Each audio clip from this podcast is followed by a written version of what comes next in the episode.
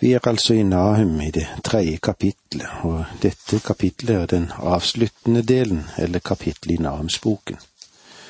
Og her får vi vite grunnen til Ninives ødeleggelse. Og det vi òg får lære her, er at Gud er rettferdig i sin handling.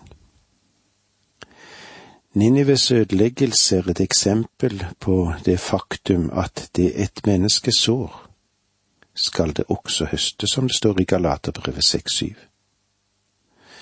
Det er også sant om en nasjon, det. Leser du Bibelen med ettertanke, vil du se at Gud på mange måter behandler enkeltindivider og folkeslag på samme måte.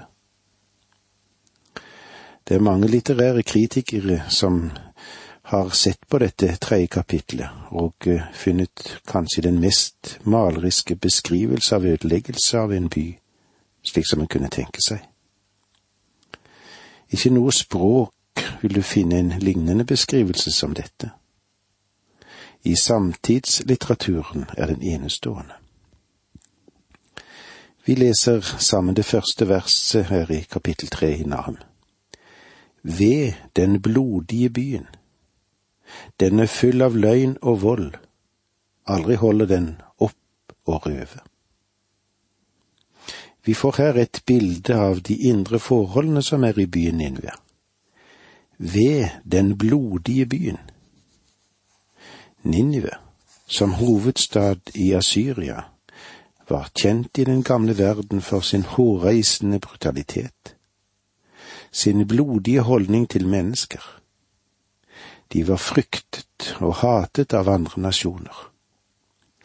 Den asyriske hær, selv om den beveget seg relativt langsomt, var den som en tornado som rykket med seg og reiv med seg alt på sin ferd der han dro frem.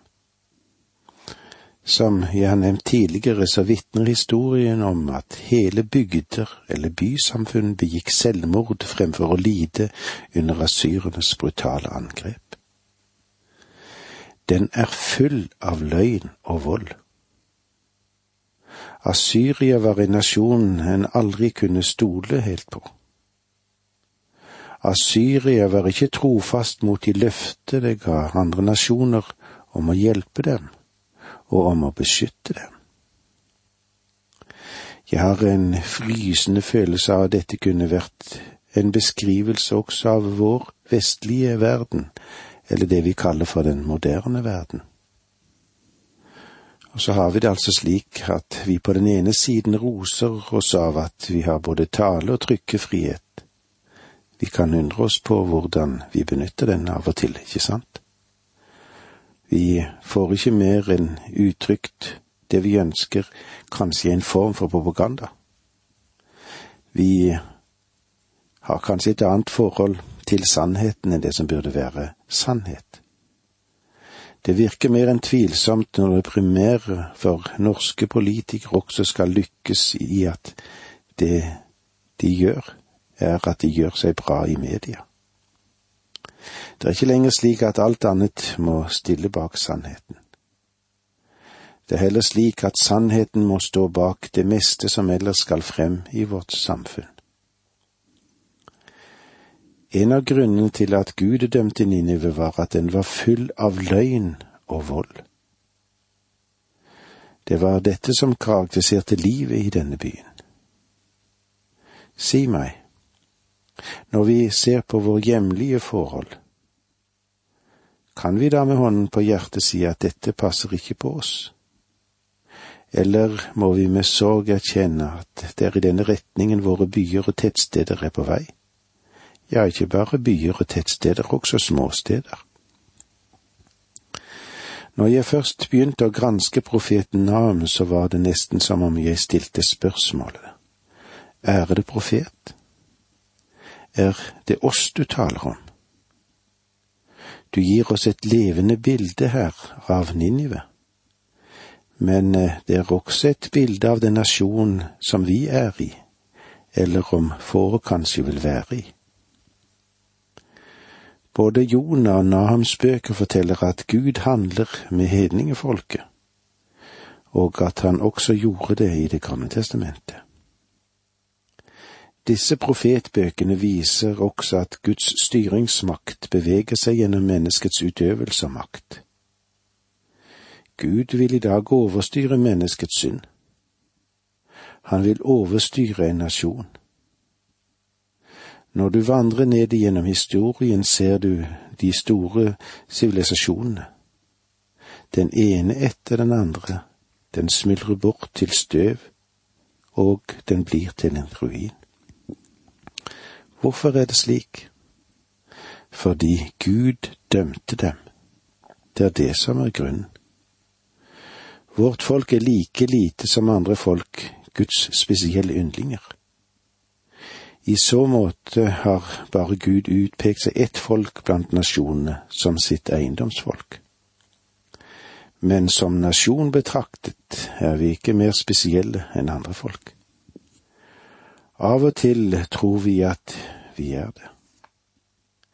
Vi lever i en trygghet som kan vise seg å være en falsk trygghet, fordi at Gud også bøyer nasjoner. Og det gjør han tindrende klart gjennom det budskap som profeten Nahum forkynner oss. I det andre verset her i Nahum 3, hør svepesmell og larmende hjul, galopperende hester og slingrende vogner. Naham gir oss her en grafisk beskrivelse av disse vognene. Det er som armerte tanks, dette. De var den gamle verdens svar på stridsvognene. Når de kom innenfor en bymur, kunne du høre lyden av svepene fra kjørerne da de drev frem sine hester. Du hørte skranglingen av hjulene og alle lydene som hører med, av larmende hjul galopperende hester, slingrende vogner. Vognene rullet overalt, spesielt døde kropper. De to første versene i dette kapitlet beskriver de interne forhold i Ninive. Løgn og vold markerte denne kulturen, og ikke bare det, men den fortalte òg og markerte livsatmosfæren i byen. Det er grunnen til at de handlet som de gjorde mot sine ytre fiender. Deres brutalitet, deres totale likegyldighet for menneskeliv, deres maktmisbruk over alle andre. Og selve grunnårsaken til deres metoder, den lå i det internt sett da fall innad hos seg selv, at de hadde feile verdier. Du forstår at et menneske blir ikke en synder fordi det synder. De synder fordi de er syndere. Selve, grunn, selve grunnforutsetningen, mennesket på innsiden er en synder, og det reflekteres i handlingene som de har. Jeg er sikker på at mange mennesker på den tid som asyrene. disse menneskene er usiviliserte. Inne i byen var det fylt av løgn og vold.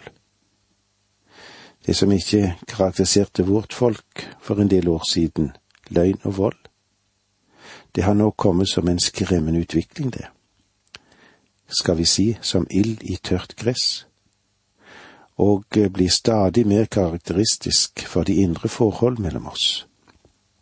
Hvorfor? Er det fordi vi har en så høy sivilisasjon? Nei, det er fordi vi er syndere. Vi er syndere. Vers tre.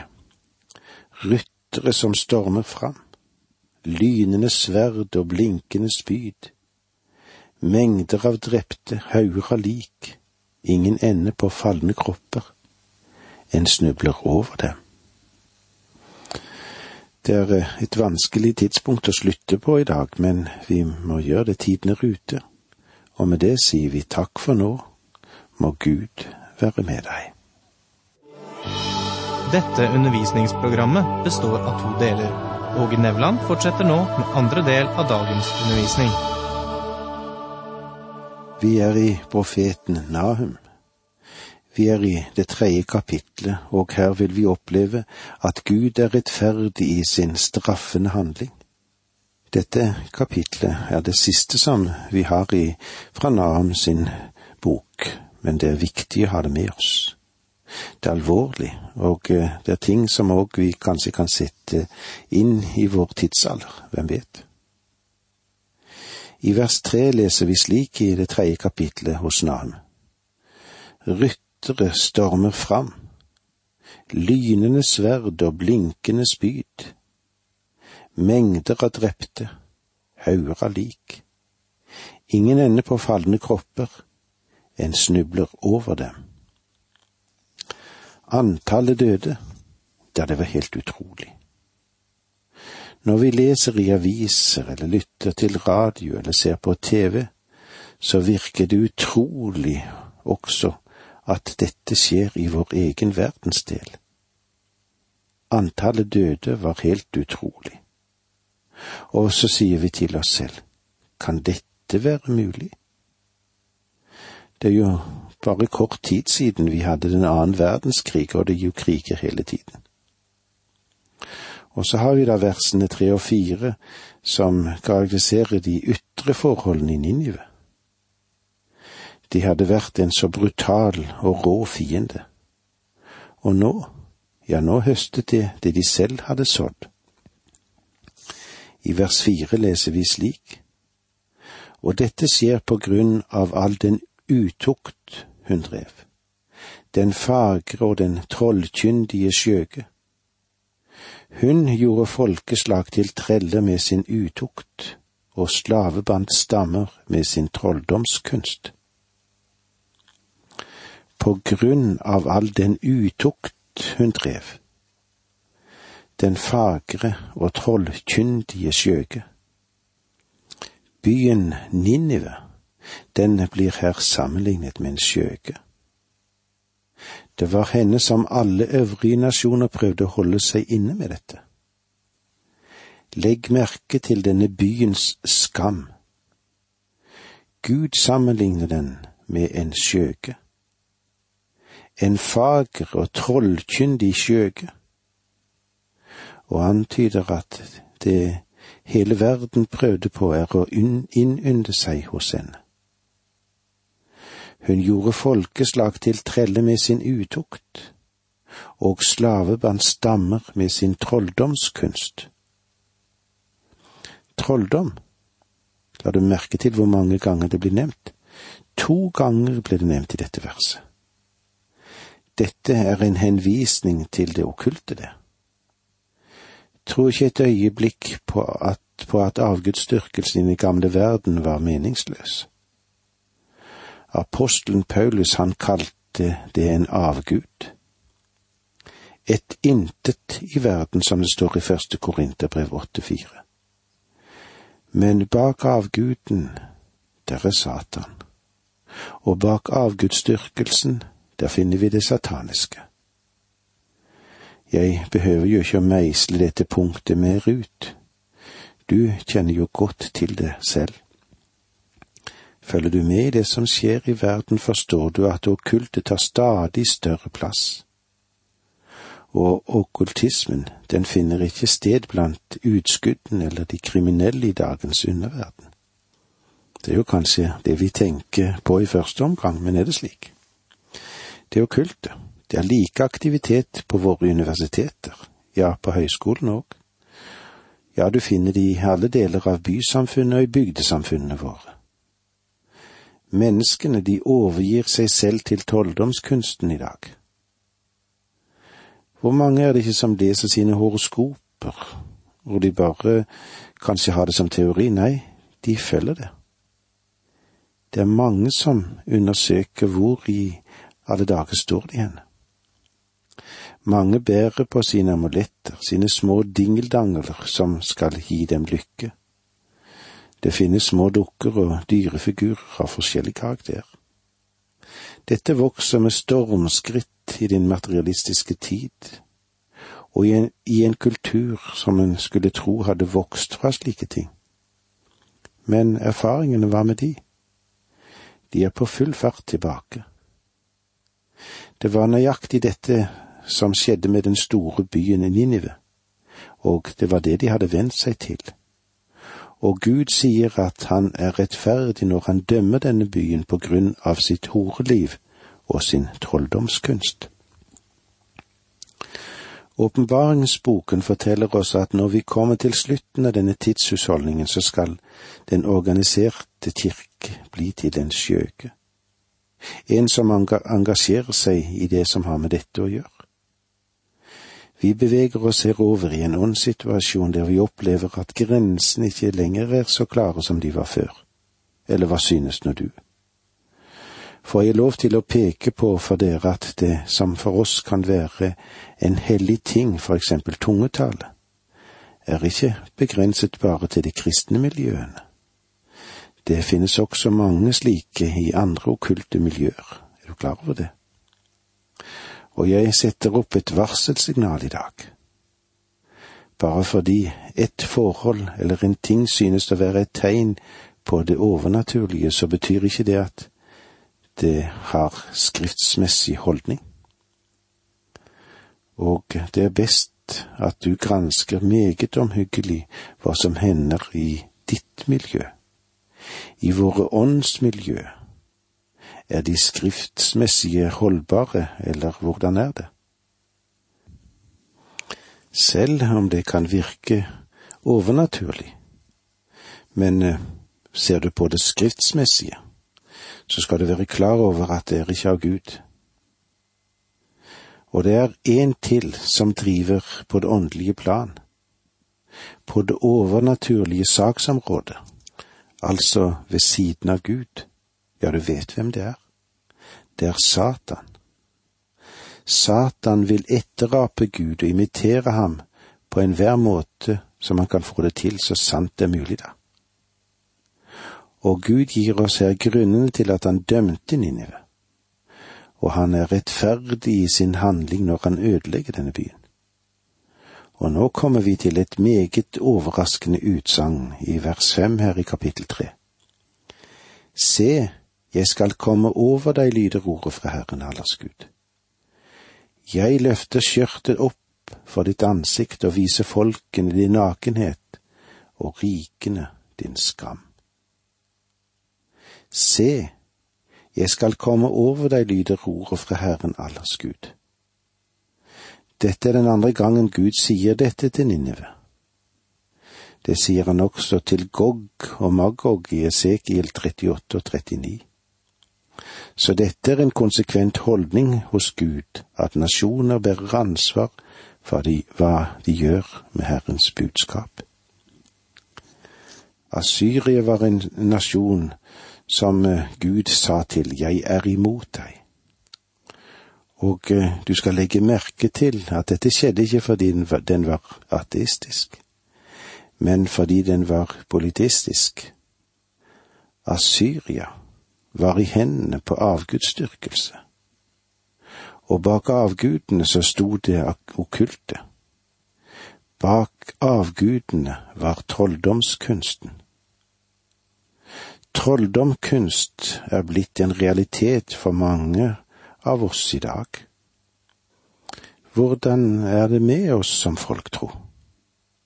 Det er nok noen som aner at her er det noen realiteter bak dette men de vet ikke hvilke åndskrefter som de egentlig rører ved.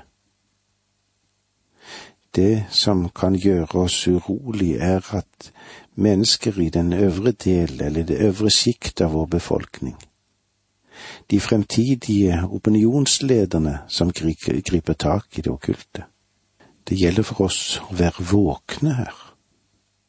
Det er jo de folkene som skal lede oss i veien videre. Hva skal det komme ut av dette? Mennesket ønsker å vite noe om fremtiden, men Gud sa til Ninive, en by som var sterkt involvert i det okkulte, jeg står deg imot. Jeg løfter skjørtet opp for ditt ansikt, med andre ord, jeg skal avsløre din nakenhet. Dette representerer den utesvevende kulturen som gjennomtrengte Ninive. Men observerer du dagens kultur, så er det ikke så forferdelig stor avstand mellom den asyriske sivilisasjon og vår egen. Gud taler her om den skam han vil føre over Ninive. Han sier, Jeg vil vise mennesker hva du egentlig står for. Din skam skal avdekkes, og du skal bote for din gjerning. Og vise folkene din nakenhet og rikene din skam. Det sier Gud han vil gjøre med dette folket. Det er Gud som sier det. Asyria var på vei nedover. Det var samtidens sterke nasjon, dette. Det var sett med menneskelige øyne da en stor sivilisasjon. Den hadde kolossale rikdommer, og det var en veldig makt. Men nå var den på vei til å bli knust og bli til støv for aldri mer å reise seg igjen. Gud sa at det var hans dom som var kommet over dem. Og med disse ordene må vi si takk for nå, må Gud være med deg.